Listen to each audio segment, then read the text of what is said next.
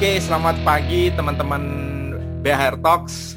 Senang banget bisa ketemu lagi di episode kedua BHR Talks kali ini. Dan hari ini mungkin rada berbeda gitu ya dibandingkan BHR Talks uh, episode pertama kemarin. Di mana kemarin kita bicara dengan seorang leader yang sudah senior. Hari ini uh, kita akan ngobrol gitu ya. Saya akan ngobrol dengan salah seorang uh, sahabat saya uh, yang jauh di Medan ini uh, berkah pandemi itu luar biasa di mana kita bisa ketemu dengan orang di seluruh dunia tanpa harus ketemu langsung, cukup pakai uh, virtual gitu ya. Dan istimewanya uh, sahabat saya ini adalah pertama milenial. Kenapa saya perlu punya sahabat milenial? Pertama untuk mempertahankan supaya saya uh, tetap kelihatan milenial. Terus yang kedua supaya saya tahu cara berpikir milenial karena saya adalah golongan kolonial. itu alasannya. Nah, uh, kita sambut dulu teman saya, sahabat saya, Bro Erwin Chandra. Selamat pagi, Bro. Yes. Pagi, pagi. Semangat gimana pagi. Medan? Medan gimana Medan? Medan hujan dari Oh, hujan. Di... Oke, okay. tapi semangat tetap merah ya kayak di backgroundnya ya. Oh iya, harus tetap hot dong. Apalagi oh, tetap hot ya, seperti kaosnya, t-shirtnya tetap membara gitu ya. Oke oke oke. Bro Erwin, thank you sudah hadir di uh, apa namanya podcast BR Talks uh, pada pagi hari ini. Senang saya bisa ketemu dengan Bro Erwin tanpa saya harus berangkat ke Medan. Kan kalau kita ngobrol ke Medan, okay. ongkosnya sudah berapa ya? Belum waktunya ya. Ini ya. hari ini kita mau eh, sharing-sharing uh, lah. Saya mau banyak tanya ke Bro Erwin sebagai orang yang berbeda generasi dengan saya kan di mana uh, mungkin ada gap ya, gap mengenai apa namanya pandangan hidup, mengenai filosofi hidup, terutama nanti kita bicara yang berkaitan dengan profesi Bro Erwin sebagai seorang uh, perencana keuangan atau financial planner. Ya, Bro ya. Oke, Bro, ya. kita mulai, Bro. Oke. Okay. Uh, gini. Saya penasaran hmm. nih, Bro. Uh, hmm. Usiaku sekarang udah 50. Artinya sebenarnya kalau usia 50 itu pasti teman-temannya nggak jauh-jauh dari usia itu, ya kan? Bro usia berapa sih sekarang bro? Uh, kalau saya coba tebak dulu uh, usia berapa kira-kira? Under 40 lah pasti. Kalau saya under 40 ya. Nah, kalau biasa saya di, di nah, orang sih di bawah 30. Uh, Pak Basri. Nah, Oke. Okay. Bawah 30. Oke. Okay. Nah, Untuk saya nebaknya nah, under 40 ya. Ya, under 40 ada yang mengira kalau kaum milenial, kaum Gen Z lah ya. Gen Z. Bilang Gen Z itu di bawah 30 Mostly ya, mostly. Iya. Nah, jadi kalau lebih tepatnya itu 32. 32? 32 Wih, tahun. Gila. Yes. Separuh dong ya. Usia kita selisihnya oh, iya. ya hampir separuh ya. Luar biasa ya. ya. Semoga apa obrolan kita nyambung ya. Karena benar-benar kita jauh banget generasinya ya. Berarti Pasti kelahiran nyambung. tahun uh, berapa? Kelahiran tahun, tahun Ya? 88. 88. 1988. Ya, 88. 88. itu saya udah SMA kelas 2 loh, Bro. Nah, itu. Aku baru 89 lulus SMA. Masih, masih ditimang-timang. Masih timang-timang ya. Dan benar bro, iya. makanya uh, hari ini uh, kita mau ngobrol lintas generasi lah ya, lintas generasi. Karena yep. uh, sebagai informasi untuk teman-teman uh, PHR Talks, Bro Erwin Chandra ini profesinya adalah sebagai seorang perencana keuangan atau bahasa kerennya financial planner gitu ya. Nah, ya. tentu bukan satu keputusan atau saya kira belum banyak orang yang bercita-cita begitu lulus sekolah menjadi seorang financial planner gitu ya. Karena kadang-kadang ya kebanyakan dari kita nggak terlalu ngeh soal bagaimana kita mengelola keuangan kan, apalagi menjadi seorang perencana menjadi seorang penasehat gitu kan. Nah, bro, boleh dong yep. dulu lulus kuliah itu memang nah. jadi seorang financial planner atau gimana gitu kejadiannya kok bisa sampai sekarang jadi seorang financial planner atau perencana keuangan? Nah, jadi uh, story-nya saya ini sebenarnya jujur ya, ada rencana nggak sebagai financial planner? Saya jawab enggak. Enggak. Itu dulu, enggak. Nah, ya nggak ada rencana. Karena ya, tapi mostly, ada bayangan nggak uh, waktu pada ada uh, sama sekali. Enggak juga tapi gitu ya. ber, Nah juga, jadi nah. jadi gini ceritanya gini, bahkan kalau kita namanya financial planner atau uh, agen asuransi ya lebih tepatnya ya, nah. ada seorang perencana keuangan menawarkan produk asuransi ke rumah, juga saya tolak dulunya. Okay. Itu satu. Itu pada saat saya masih ada usia 20-an. Itu saya 20 tolak Oke, okay. waktu itu udah kerja atau masih kuliah 20-an tuh?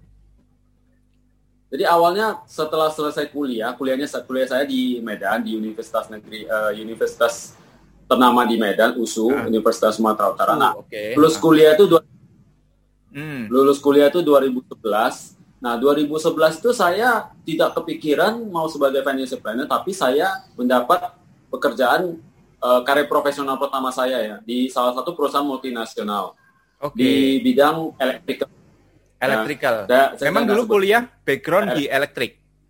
Elektronik eh, apa? Oh, backgroundnya elektro. Di, di teknik. Teknik di teknik ya. industri. Teknik oh, industri. Sama dong kita ya teknik industri ya. Sama ya. Wow. Sama sama. Sama-sama kesasarnya juga ya. Oh. Oke oke. Oke, nah, jadi uh, 2011 uh, lulus, kemudian uh, meneruskan karir profesional pertama saya di se sebuah perusahaan multinasional uh, itu di bidang uh, electrical. Nah, hmm. itu sekitar kerja di sana se dua hampir tiga tahun. Okay. Kalau lebih tepatnya dua tahun dan bulan, hampir tiga tahun ya. Nah, di situ baru saya uh, resign.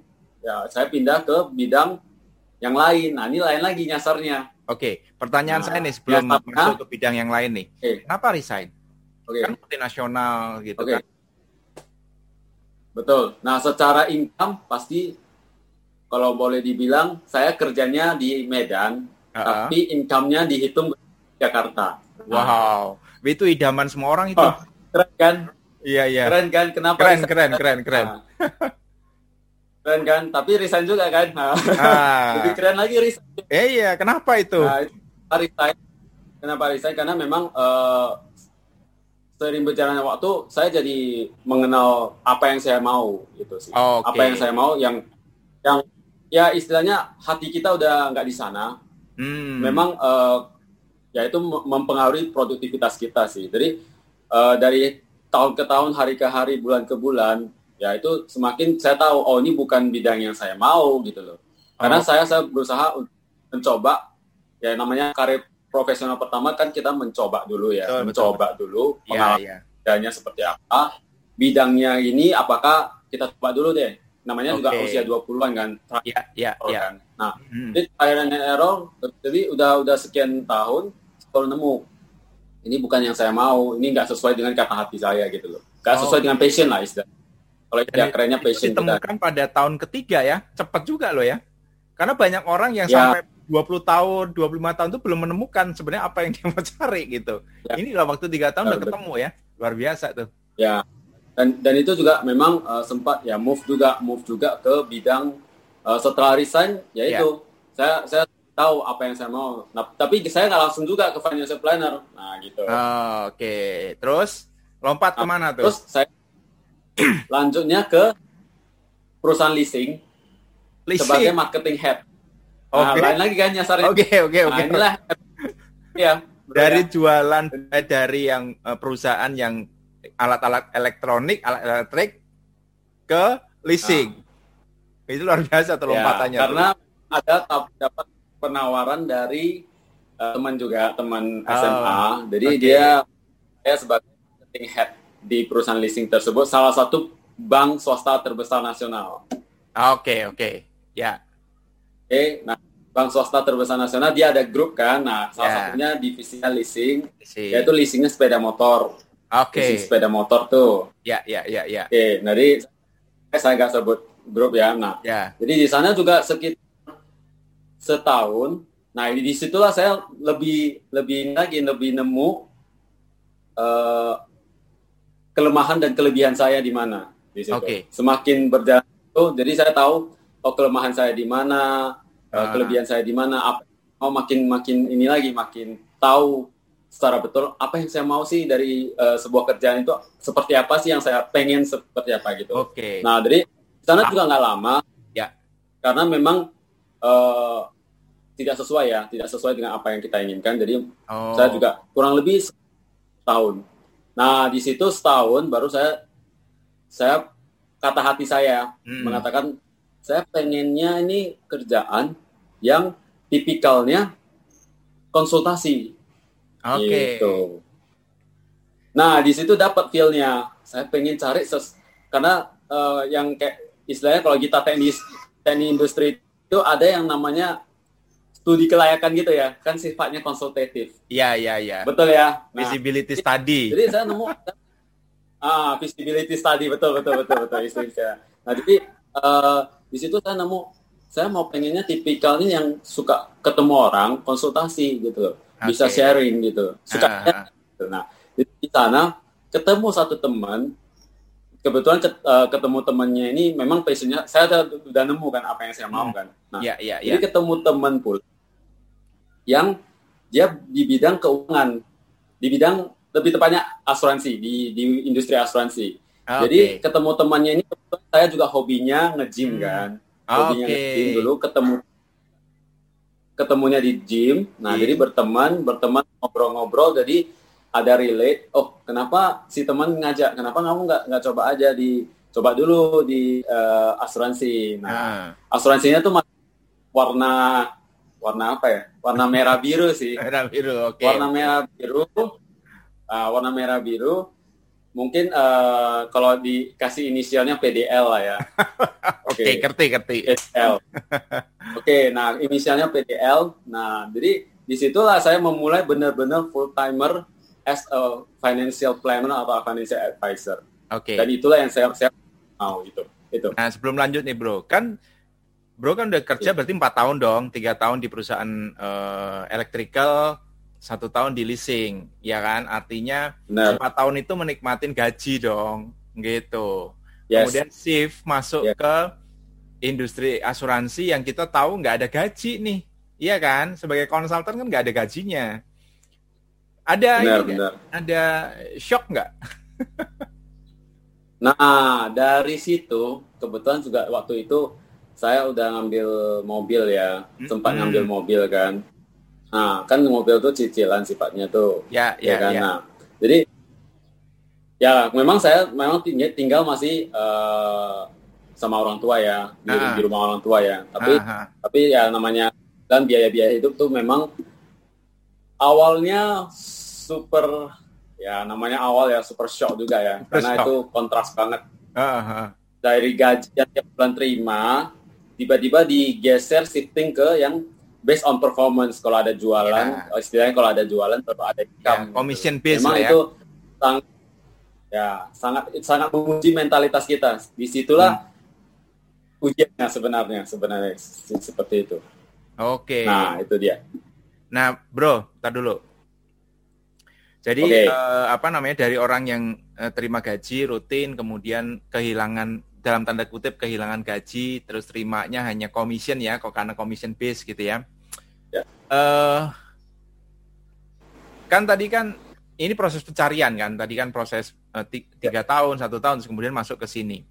Ada kepikir ya. nggak yeah. waktu itu kayaknya ini tempat yang salah gitu atau walaupun sudah nggak punya gaji hanya komisi tetap merasa bahwa ini kayaknya tempatku yang sebenarnya gitu ada nggak perasaan kayak gitu uh, nah perasaannya yang kedua tadi itu karena ah. kata hati yang katakan okay. yang mau konsultasi uh -huh. dan memang kebetulannya ya memang waktu itu kenapa saya nggak coba aja di bidang keuangan toh keuangan kan angka-angka menarik juga ya keuangan ini kan yeah, untuk yeah. kita konsultasi. Nah, apa ini kan? Jadi karena hati yang memilih ya kata hati yang memilih sepahit apa pun walaupun gak ada income ya tetap dijalankan. Dijalanin. Dijalani aja. Pokoknya ada keyakinan di Iya, iya, iya. Karena ada keyakinan di ujung lorong yang gelap itu akan ada cahaya ya. Ya, kita akan ketemu meskipun cahaya. memang banyak pada saat itu memang banyak intrik ya, baik dari nah. pihak keluarga juga ya. Ya, iya, iya, ya. Ini ngerti lah, ngerti. Pihak keluarga juga orang tua juga uh, ada maaf cakap ya uh, menyarankan untuk cari kerja lagi gitu loh. ada kelas juga. Ya, ya, nah, ya, jadi, ya. Tapi saya yakin ini pilihan saya sendiri, okay. kata hati saya sendiri ya saya ya, karena pilihan saya kan, saya harus ya, ya, ya, betul, pilihan betul. saya. Gitu. Artinya, nah, gitu. uh, apa namanya kita melakukan segala sesuatu pertama dengan enjoy, yang kedua dengan yakin, ya kemungkinan besar kita bisa lewatin ya rintangan-rintangan itu ya kan kebanyakan orang gitu ya kadang-kadang karena melakukannya sendiri tidak yakin dia begitu dapat challenge dia mundur biasanya kan begitu kan gitu. Benar, benar, benar. Nah itu uh, benar, benar. masuk ke industri asuransi tahun 2015 akhir. Ya. 2015 akhir di tadi APDL tadi. Ya, ya. Kemudian uh, berapa lama tuh di di tempat itu? Dua tahun. Dua tahun. Dua tahun. Full timer dua tahun. Full timer dua Memulai, tahun. Ya, mulai belajar basic dari basic sampai ya uh, dua tahun lah benar-benar full timer. Oke, okay. banyak tuh pelajaran yang dapat dia selama dua tahun. Oh sangat, sangat, sangat ya. Banyak mulai dari perusahaan karena memang di di di perusahaan yang itu memang fokusnya selain uh, produk memasarkan hmm. produk ya juga rekrutan tim. Memang mereka fokusnya oh, rekrutan tim bikin bisnis, bisnis ya bangun tim. Benar-benar ada yang berbisnis asuransi di sana. Memang banyak leader-leader senior yang udah top lah ya istilahnya. Okay. Udah seniornya di untuk, untuk bisnis oh. asuransi okay. ya dalam hal perekrut. Di sana dua tahun, kemudian ini saya lihat pakai kaos merah, berarti sudah pindah bendera dong setelah dua tahun itu. Pertanyaannya ya, kenapa pindah bendera? Biru, ya. Nah, ada uh, itu langsung ke sekarang ya. Ya kita sebut lah ya AIA gitu ya. Dari uh, PDL tadi langsung ke AIA. Ya. Oke, okay. kenapa pindah ke AIA, Bro? Benar, benar. Nah, karena gini, uh, satu hal lagi memang kita memang hati kita itu ke bagian perencanaan keuangan atau bagian konsultasi hmm. keuangan ya. Tapi hmm. sejalan waktu dua tahun, saya melihat uh, saya butuh tantangan baru biasa ya kalau memang oh, yeah. uh, butuh yang istilahnya tantangan baru, uh, pengen belajar lebih lagi. Oke. Okay. Gitu. Pengen okay. belajar lebih lebih dalam artian uh, yang saya rasa saya lihat di luar sana memang ke kebetulan uh, saya pengen dapat lebih dan memang ada penawaran dari salah satu leader lah ya di di, okay. AI itu waktu itu ya. Hmm. Jadi ya seperti itu ya saya pengen belajar lebih dan saya lihat uh, salah satu memang banyak ya selain AI ada perusahaan lain juga ya multinasional. Hmm. memang kebetulan opsinya berjodohnya kalau orang bilang berjodohnya dengan IA Oke. Okay. Berjodoh dengan ayah dan juga leader ayah yang mengajak saya. Dan di situ memang saya lihat profil perusahaan ayah juga bagus. Nah, karena pengalaman saya juga. Nah, ini ini sebagai sebagai catatannya. Ya. Yeah. Saya pernah dulu kan kerja di perusahaan multinasional bidang elektrikal. Jadi saya kurang lebih tahu oh, isinya okay. perusahaan multinasional itu seperti apa gitu. Oke. Okay. Saya pernah merasakan. Jadi ya, ya, saya ya. yang dari PDL yang notabene perusahaan bukan bukan merendahkan ya sorry ya, ya, ya, uh, ya. saya saya disclaimer dulu ya. Ya. Uh, perusahaan multinasional dengan swasta nasional hmm. isinya pasti berbeda dari dari segala sisi pasti berbeda mulai dari ya. sisi training mulai dari sisi produk mulai dari ya. sisi kualitas mulai dari kualitas training itu pasti semua berbeda karena saya sudah pernah merasa ya. itu valid karena saya sudah pernah pengalaman saya jadi ya itulah mungkin saya mencoba tantangan baru gitu oke okay ada Dan, berarti sekarang sudah tiga tahun ya, tiga tahun berarti ya, atau empat tahun di ya, ya. November November 2020 kemarin ya. tepat tiga tahun. Oke. Okay. Ya. Nah, bro, hari ini saya ngajak ngajak bro untuk diskusi ngobrol karena saya lihat kan bro Erwin ini, saya lihat ya, saya lihat saya lihat berbeda dengan agen asuransi secara umum ya. Ini ini barangkali sebuah pertanyaan yang mungkin jadi challenge buat kita. Kalau kita bicara hmm. tadi, uh, Bro kan di asuransi, uh, perusahaan asuransi sebagai agen asuransi, ya, dan uh, melabeli dirinya dengan uh, financial planner. Apakah menurut yes. Bro Erwin semua agen asuransi itu adalah financial planner?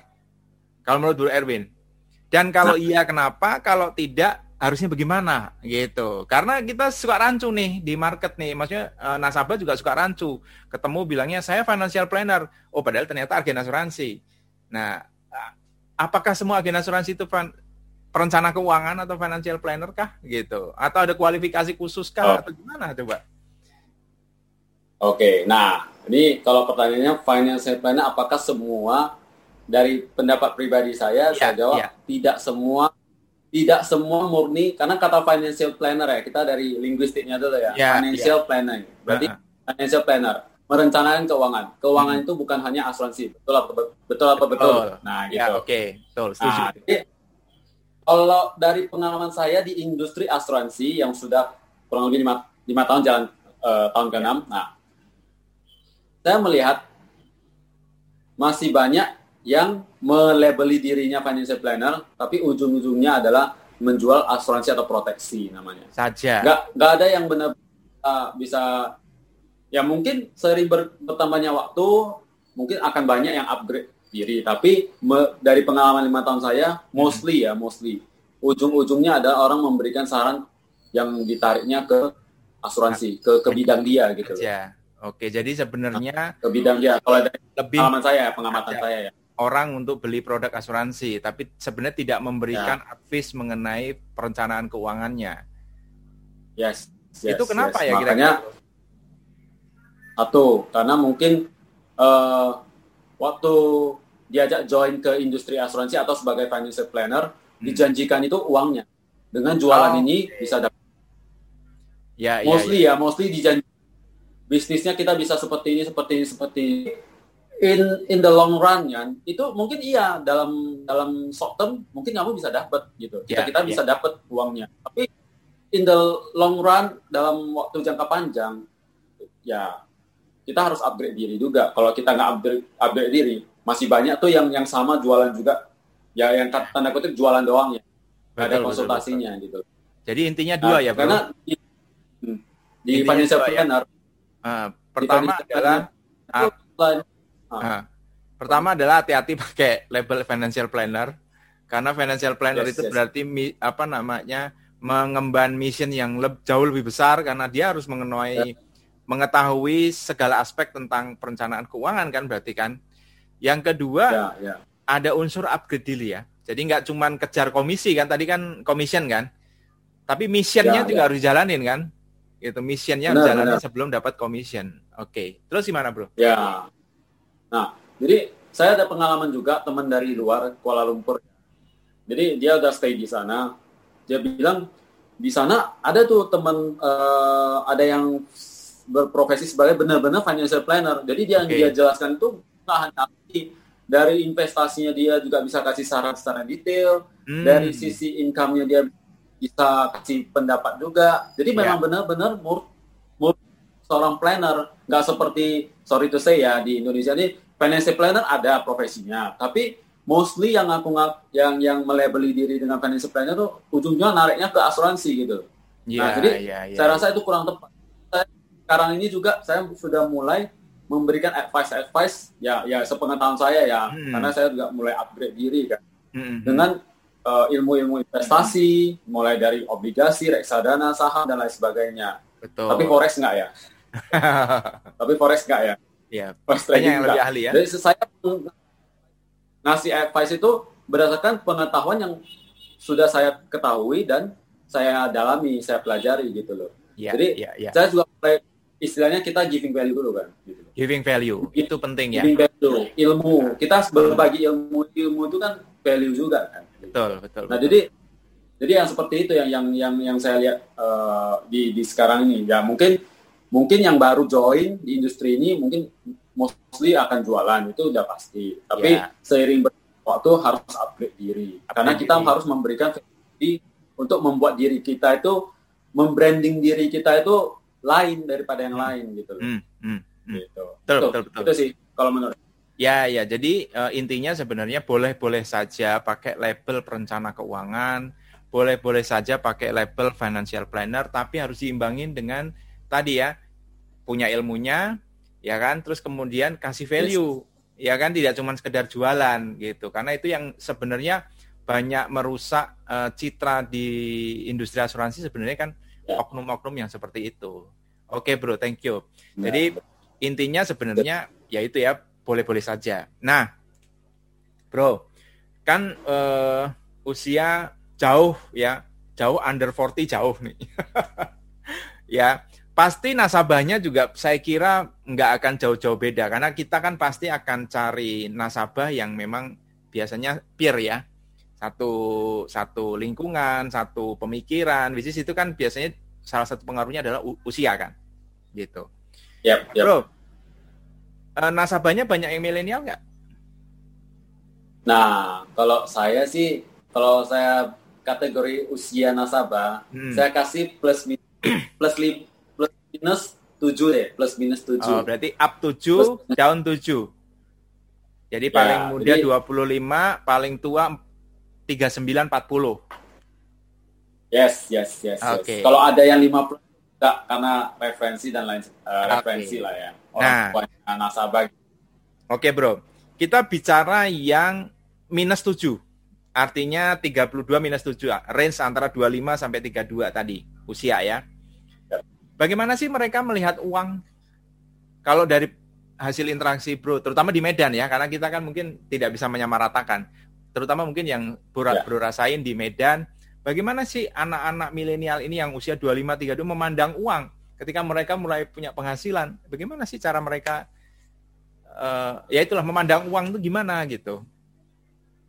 Oke, nah bedanya dari awal saya di industri ini saya memang melihat ada pergeseran, ada shifting. Okay. Karena kan shifting. Uh, shifting artinya kalau dulu income-nya ada, mungkin karena milenial itu istilahnya pengen mencoba hal-hal baru, mungkin okay.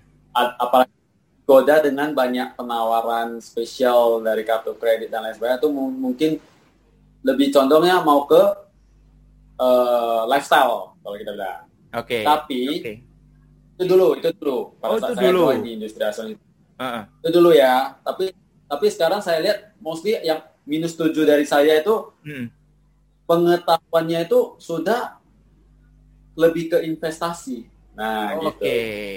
Lebih ataupun ke investasinya ke saham bisa atau ke punya bisnis sendiri. Kalau yang saya pantau ya, mereka okay. pengen punya bisnis sendiri, kongsi sama teman, share hmm. share sama teman, atau uh, mungkin ke investasi, mungkin okay. ke ya deposito, obligasi dan lain sebagainya. Okay. Ya seperti itu. Dan uh, penggunaan uangnya itu seperti itu arah-arah ya. Memang masih ada yang uh, lifestyle itu, okay. pasti masih ada juga seperti.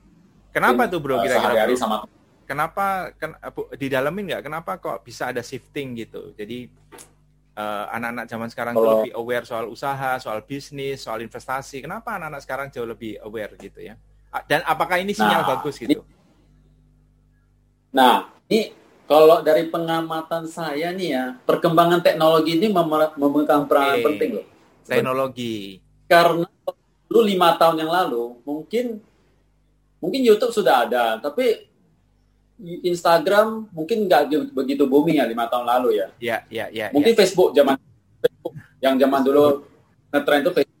Nah, mungkin Facebook kan untuk uh, berteman aja. Terus uh, sekarang ini Google, YouTube sudah banyak juga influencer-influencer. Ya. Sudah banyak juga men-sharingkan ilmu-ilmu yang daging-daging di betul, sosial betul, media. Betul. Mengenai keuangan ya, investasi, bisnis dan lain-lain ya. ya bukan hanya asuransi, keuangan ya, betul, investasi betul. juga ada.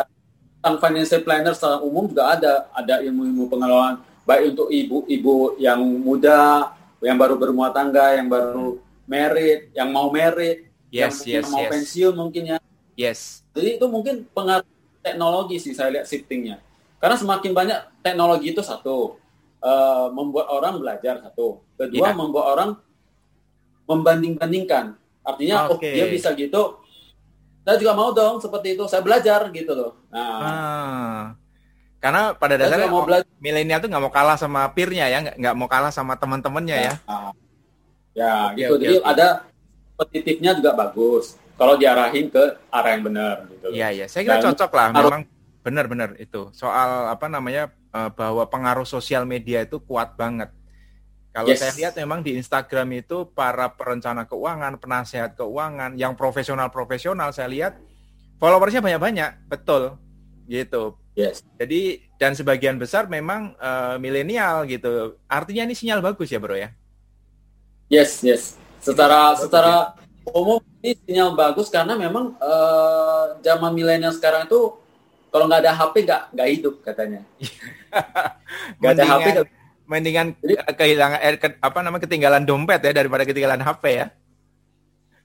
Ketinggalan HP istilahnya uh, ketinggalan informasi gitu Ketinggalan iya, informasi betul. info penting. Benar benar benar benar. Artinya bro kalau kayak gitu berarti kalau kita mau menjangkau pasar milenial, pasar-pasar baru ini, berarti memang kita nggak boleh gagap sosial media ya. Event oh, kayak ya, ya yang udah kolonial nggak boleh gagap sosial media ya karena habitatnya para milenial itu ternyata ada di sana ya. Itu yang mengubah cara berpikir ya. mereka ya. Benar, benar. Harus disesuaikan dengan minat mereka di mana. Betul. Istilahnya target market kita itu kalau saya nih ya kan memang milenial target market. Yeah. Jadi saya tahu di mana milenial itu berkumpul istilahnya. Ah, okay. Kalau misalnya kita kita kita mau mencari istilahnya atau mau mencari uh, sekawanan monyetnya hmm. kalau kita bilang ya. Kan yeah. monyet biasa apa? Pisang. Uh -uh. Pisang ya, kita kasih buah pisang. Tapi kita harus tahu monyet itu habitatnya di mana. Kita pancing dulu kan pakai yeah, yang namanya yeah, yeah, pisang. Yeah. Nah, kalau ada satu yang satu yang nangkap pisang misalnya, nah kita kita minta minta ke dia, eh teman-teman kamu di mana sih biasanya berkumpul? Nah, kumpulnya misalnya di sosial media Instagram. mungkin sekarang yang lagi trending 2021 di TikTok. Oh gitu. iya, pantas saya lihat. Pantas saya lihat postingannya di TikTok udah mulai gencar banget ini. Tapi bukan joget-joget aja ya, tapi bicara financial planning di TikTok ya menarik banget tuh. Menarik yeah. banget tuh. Nah, teman-teman nanti ya, karena bisa follow uh, Instagramnya Bro Erwin nanti ya. Yes. Nanti saya yes. saya kasih di di kolom deskripsi Instagramnya, akun Instagramnya Bro Erwin supaya bisa di add nih. Karena TikToknya lucu-lucu. TikToknya lucu-lucu gitu. Oke. Okay. Wah, oke okay, oke. Okay. Ah. Menarik banget. Jadi ternyata milenial itu sudah mulai shifting pola berpikirnya dari konsumsi sekarang sudah mulai sadar investasi dipicu oleh yes. salah satunya oleh sosial media. Ya, artinya kalau yeah. saya gagap sosial media, maka saya akan kehilangan market milenial. Ya, ya bro ya. Uh, thank yeah. you in insight-nya. Lalu bagaimana yes. halnya dengan yang 32 plus 7? Dari 32 sampai ya nah. 40 lah, 40 tahun lah. Apa, apa challenge-nya kalau kita bicara uang itu apa? Mereka bagaimana mereka menyikapi uang? Kan pasti beda sama yang uh, apa namanya yang di bawah tiga dua ya. karena mereka rata-rata kalau di bawah tiga dua kan belum keluarga segala macam. Nah, ini kan pasti udah mungkin sudah berkeluarga. Apa apa ininya? Kalau yang plus tujuhnya itu memang masih ketarik ke pola pengelolaan uang usia 50-an seperti oh. Pak Basri ini. Masih ada sedikit.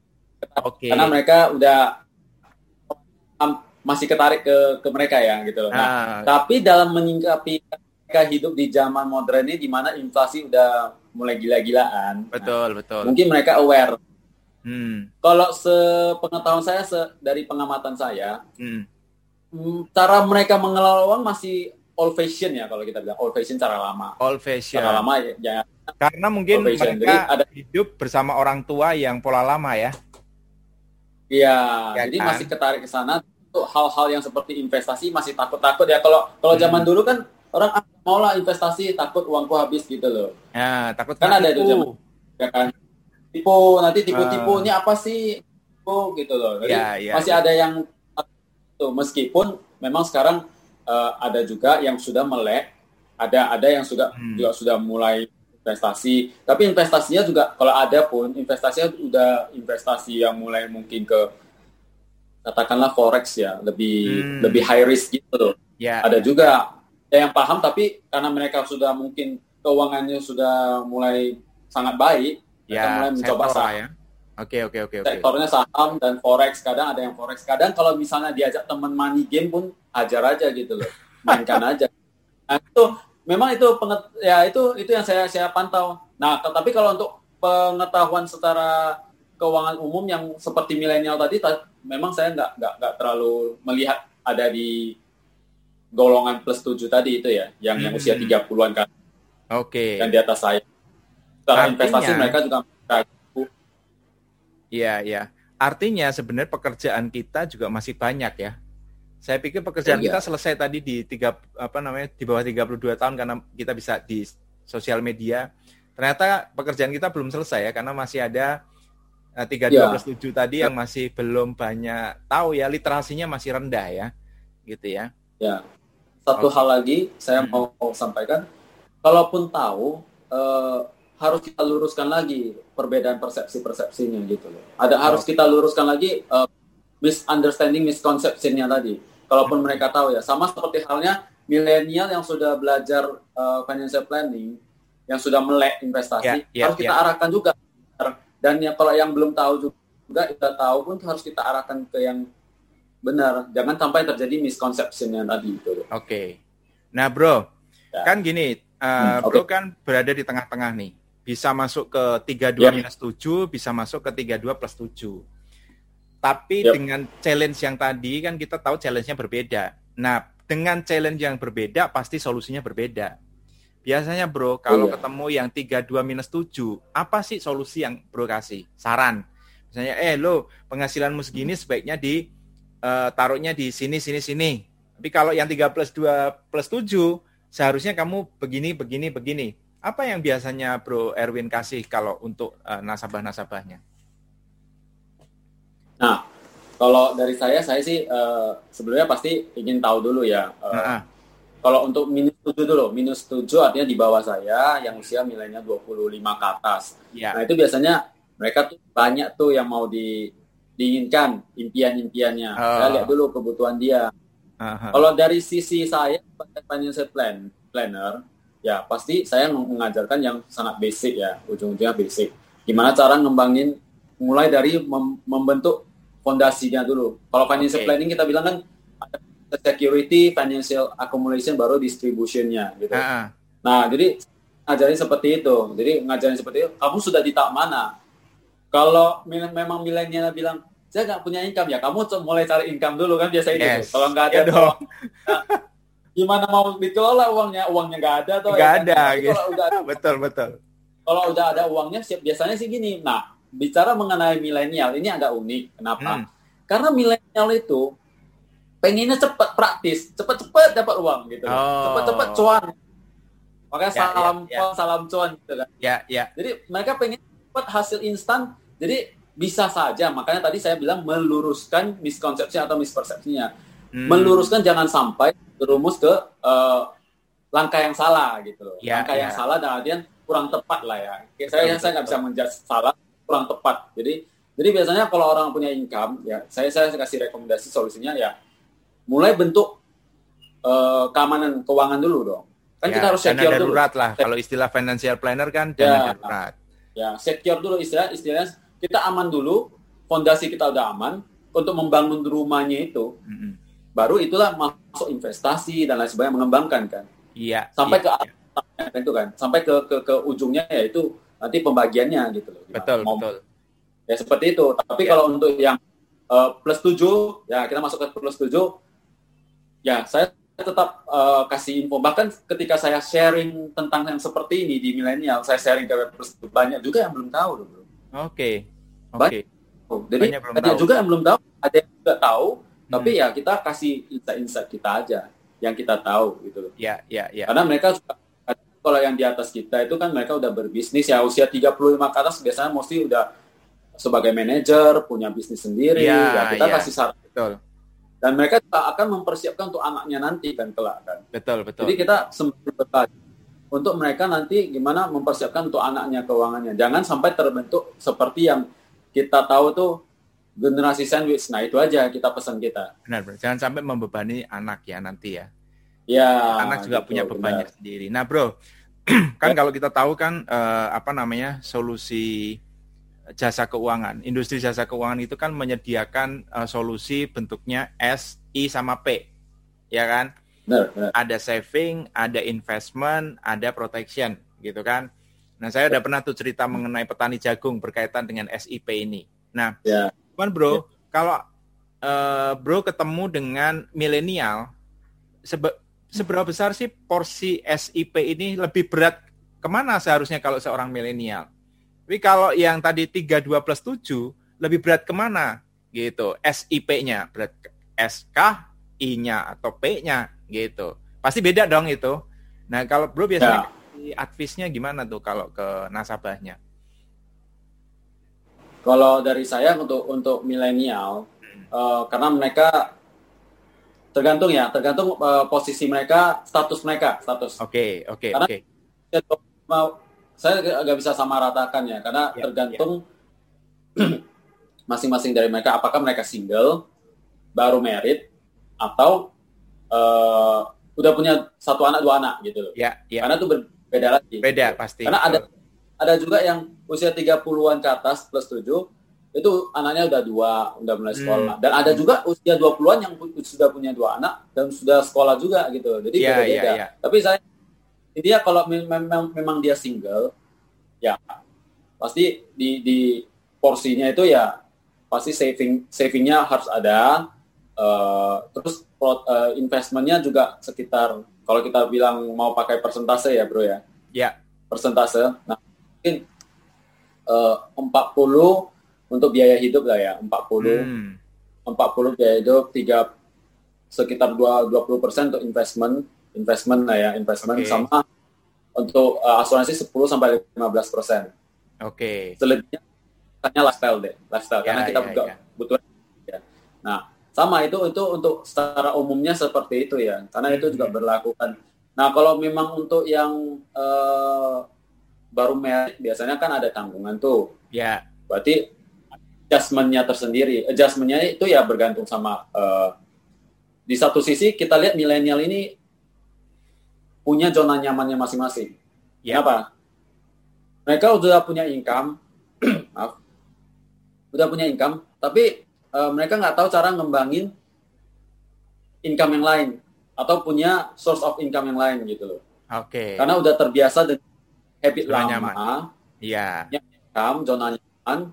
Ketika dia berkeluarga, dia merasa kalau dari sisi uh, financial planner di di segi asuransinya, dia merasa memang betul biaya hidup penting karena sudah punya tanggungan Nah, kalau biaya hidupnya punya tanggungan lebih, berarti income-nya harus lebih dong. Oh Pasti oh iya, dong. betul, betul. Nah, di, di sana itu yang kita kasih advice. Gimana hmm. kira-kira uh, saya sebagai temannya, biasa nasabah saya dan saya anggap teman juga, saya kasih advice uh, ide-ide apa saja yang cocok dengan dia untuk ngembangin bisnis oh. mungkin ya jadi ini value added ya berarti ya, ya. nasihat-nasihat ya, kayak jadi harus added. nilai tambah ya, jadi uh tabungan nambah, asuransi lu nggak nambah. Gimana cara nambah asuransi? Apa income gitu loh. Iya betul betul. Tanggungan betul. kalau pengeluaran juga bertambah dong. Kan iya. Gitu. Tapi income tuh itu aja. Nggak mungkin gitu loh. Benar, Apalagi nanti udah si, si ibunya udah hamil tuh. Udah nah. hamil lagi hamil kan butuh berapa? Berarti kan ada pengeluaran tambahan lagi kan untuk betul. untuk si anak dalam kandungan kan. Betul gitu. betul. Nah, sama uh, ya kurang lebih seperti itu. Jadi uh, lebih ke kasih advice sebelum ke SIP-nya mm-hmm. ya di, kita temukan dulu problem dia apa gitu loh. Okay. Kalau kita ngomong sekian sekian sekian, kalau memang ada beberapa uh, nasabah atau teman yang memang benar-benar planningnya mantap. Ada. Tapi ada juga banyak juga yang memang kendala-kendalanya seperti itu. Waktu single, terus udah married, nanti udah Siap. udah goyang oh, ya, keuangannya gitu, ya. itu. Nah, benar, benar, benar karena ada tanggungan gitu loh. Benar, benar, benar, terus mau kembangin bisnis, nah bisnisnya itu kadang sharing sama teman-teman dia, kolaps bisnisnya gitu loh. Nah, atau mungkin ya istilahnya uh, nanti main saham terjerumus, sorry ya, tidak semua, nah. saya disclaimer dulu ya, yeah. tidak semua yang main saham bakal terjerumus, tapi di satu sisi mereka karena nggak ada ilmunya, nggak mempelajari di dalam, hanya Betul. Kata orang kan hanya arus. Jadi terjerumus juga dia benar, mau investasi karena dia cepat kan gitu. Benar. Nah, karena sebenarnya saham itu bukan buat main-main ya. ya betul. benar, benar. Nah, satu hal lagi karena hmm. Orang main saham itu pengennya cepat-cepat cuan kan. Kan tadi ya. milenial tipikalnya seperti itu, pengen betul, betul. cuan. Jadi terjerumus gitu loh. Kongsi sama teman biasanya nggak nanti uh, kadang bisnis itu kan ada yang pisah nanti ujungnya ya. pisah nggak ada dia lagi atau main saham tuannya malah rugi terus gitu loh. Iya. Karena ya. mereka nggak punya basicnya. Cepat hasil instan, dikasih yang solusi yang lebih, lebih pasti tapi lebih lama mereka nggak nggak mau pengen cepet-cepet gitu. pengen cepat makanya nanti masalah ini ter, terganggu otomatis SIP-nya juga terganggu gitu saving yes. investment protection-nya juga terganggu okay. itu sih kalau misalnya kalau yang untuk plus 7 kurang lebih hampir sama sih karena kan sama, kan dia ya. keluarga muda juga gitu. ya paling nambah-nambahnya itu nanti asuransi gitu. ya artinya bro kalau saya lihat ini jadi pekerjaan orang seperti Bro Erwin ini yang me melabeli dirinya sebagai seorang perencana keuangan atau financial planner memang harus punya uh, apa namanya wawasan keuangan yang cukup luas oh, ya. ya. Tadi kan kita kasih value added. Sebelum kita ngomong soal saving, investment, protection, kita harus ngomong dulu income yang untuk dikelola ada atau enggak, ya kan? Itu yang harus kita ngomong. Terus begitu kita ngomong income-nya ada atau enggak, kalau misalnya kurang kan berarti harus nambah income. Nah, tugas nah. kita adalah ngasih pandangan nih. Oh, ini loh ada apa namanya eh, potensi-potensi uh, source of income baru nih yang kamu mungkin bisa masuk. Artinya kita harus punya pengetahuan itu kan. Kita harus oh, iya. baca koran, ya kan, baca media untuk bisa kasih nasihat itu. Artinya ya. tidak semata-mata cuma jualan produk ya, Bro ya. Oh iya, ya pasti. Karena kan konsultasi. Jadi konsultasinya wawasan kalau konsultasi itu kan bisa ke mana-mana. Eh, Oke. Okay. Nah, luas itu. Gitu. Iya iya iya iya. Menarik menarik nih, menarik nih. Jadi banyak insight nih sekarang. Uh, sosial media, ternyata milenial itu berbeda ternyata sekarang pola berpikirnya. Ini nggak terasa nih kita udah ngobrol udah 45 menit lebih nih. Bro, ini pertanyaan terakhir. Ya karena kita udah panjang, nanti kita bikin episode lah. Gini, Oke. Okay. Bro masuk ke industri uh, jasa keuangan ini, insurans lah ya kita bilang kan. Tadi ya, uh, apa bisa. namanya uh, income-nya based on uh, commission base, artinya based on performance, ya kan? Yes, yes. Dan kalau kita bicara seperti itu, berarti bro masuk dalam kategori sebenarnya entrepreneur, bukan karyawan kan? Kalau karyawan kan oh. pasti gaji, ya kan? Nah, kalau kita bicara entrepreneur, berarti kita bicara bahwa sebagai seorang financial planner, sebagai seorang perencana keuangan, ataupun sebagai tadi agen asuransi, itu adalah bisnis. Ya kan? Yep. right. Menurut uh, Bro Erwin yang udah menjalani selama kurang lebih eh, enam uh, tahun lah ya, enam tahun. Secara bisnis nih, dengan tadi uh, sikap market yang seperti itu, prospek nggak sih, sih di masa depan? Masih prospek nggak nah. sih di masa depan? Kalau saya jawab, uh -uh. kalau dari saya pribadi ya, uh -uh. untuk prospek ke depan sangat cerah. Sangat cerah. Kenapa, Kenapa saya bisa itu? Ya, karena milenial ini makin hari, makin bulan, makin tahun dia semakin melek terhadap okay. hal ini. Hmm. Maka dia sendiri kalau milenial kalau kita mau bilang ya dan usia muda, usia keluarga muda juga mulai sudah melek yang namanya insurance. Oh. Melek. Ya, ya, ya. Masalahnya kalau melek, dia mau cari siapa kan gitu. Hmm, hmm, hmm. Dia butuh advice dari siapa hmm. yang benar-benar dia bisa percaya gitu. Dan dan saya sendiri pribadi saya juga punya tim yang milenial juga. Okay. Dan orang-orang ini seperti ya, kalau prediksi saya ya, prediksi hmm. saya pribadi yeah, ya, yeah, ini yeah. nanti lima tahun ke depan saya prediksi agent asuransi bakalan jadi profesi yang trending di kalangan milenial. Oke. Apa tuh dasar prediksinya? Apa karena di Kenapa? luar udah seperti Kenapa? itu atau atau apa tuh? Karena saya kemarin karena memang saya be, uh, bergaul dengan milenial hmm. dan milenialnya ini memang teman-temannya juga meskipun beda company, ya. Mereka juga ya berbondong-bondong join ke insurance gitu loh. Hmm.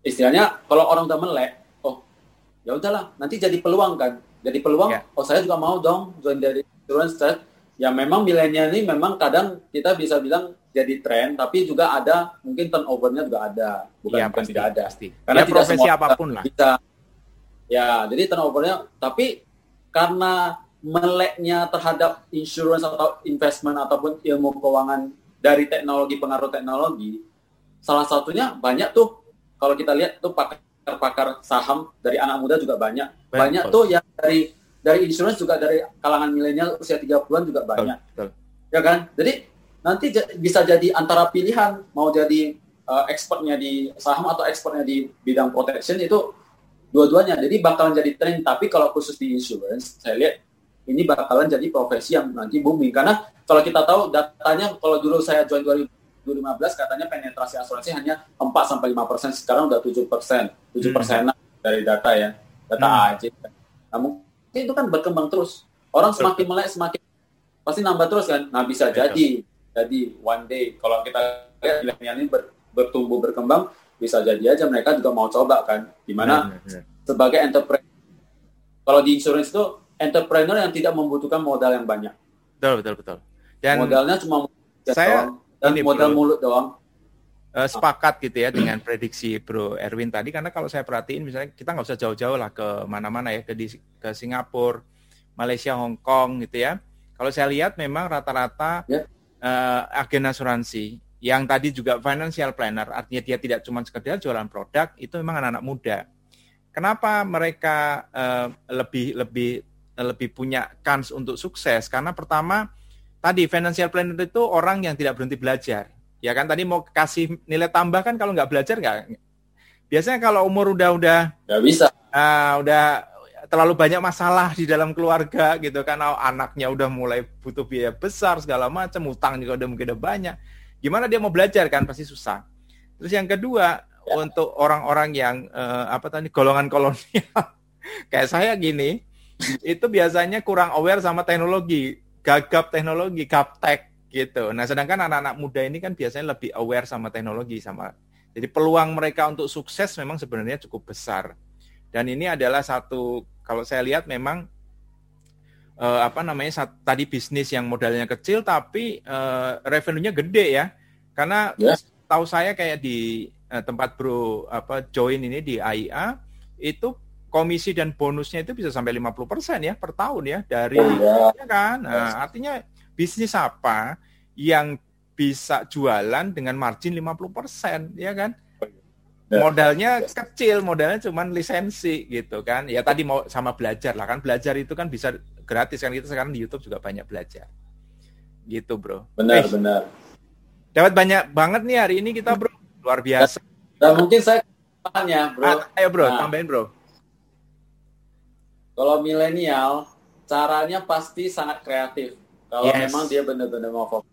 Iya. Sangat kreatif memanfaatkan teknologi alias sosial media. Sosial media. Caranya lebih kreatif dan lebih ya istilahnya right, ya? wow ah. jadi wow, wow moment gitu nanti ada muncul lagi yang baru-baru saya ini masih saya ini juga masih menyajikan materi-materi secara fun nah itulah saya ikutin alurnya ya ya ya ya dan itu uh, apa namanya uh, privilege atau keistimewaan yang dimiliki oleh milenial ya karena kalau yang udah kolonial yes. kolonial tuh biasanya udah terpaku ya. pola lama kurang kreatif ya benar karena milenial juga bisa belajar dari teman-temannya yang di luar negeri kan. Oh, oh, benar, benar, benar, benar. Dan ada juga yang dari luar negeri pulang Indonesia juga bisa kasih sesuatu yang baru kan gitu. Ya, uh, uh, uh, uh, uh. Luar biasa. Itu sih karena optimisme saya itu melihatnya seperti itu. Oke. Okay. Gitu. Oke, okay, Bro. Wah, luar biasa nih, Bro. Kita ngobrol udah hampir satu jam. Gak terasa ya. Harusnya kita uh, apa namanya teman-teman BHL Talks yang uh, mengikuti podcast ini bisa dapat banyak nih hari ini nih insight-insight buat baik yang kolonial kayak saya maupun yang milenial. Dan satu hal lagi, ternyata ada peluang baru di bisnis perencanaan keuangan, bisnis uh, industri asuransi terutama yang tadi ya, ini bisa jadi sumber income yang apa namanya cukup menjanjikan ya, gitu ya buat uh, teman-teman yes. semua. Yeah. Gitu. Sekali lagi Bro Erwin, saya sampaikan terima kasih Uh, kayaknya oh, kita sama -sama. harus bikin sesi yang lain kita kayaknya banyak yang akan kita bahas ya tadi kita telah belum begitu masuk oh, dalam ke perencanaan keuangannya uh, nanti lain kali kita bikin uh, next episode yep. ya dan teman-teman BHR Talks uh, inilah uh, dialog saya ngobrol saya dengan Bro Erwin Chandra di Medan seorang financial planner, seorang yep. perencana keuangan profesional. Teman-teman yang ada di Medan bisa kontak dengan Bro Erwin untuk bisa mendapatkan advis-advis. Tentunya dengan nilai tambah tadi. Jadi nggak cuma ngomongin soal keuangannya, tapi how to uh, cari uangnya juga Bro Erwin bisa kasih beberapa yeah. insight gitu ya. Thank you Bro Erwin, teman-teman yes. BR Talk sampai ketemu di sesi podcast kita selanjutnya. Selamat pagi. Bye bye.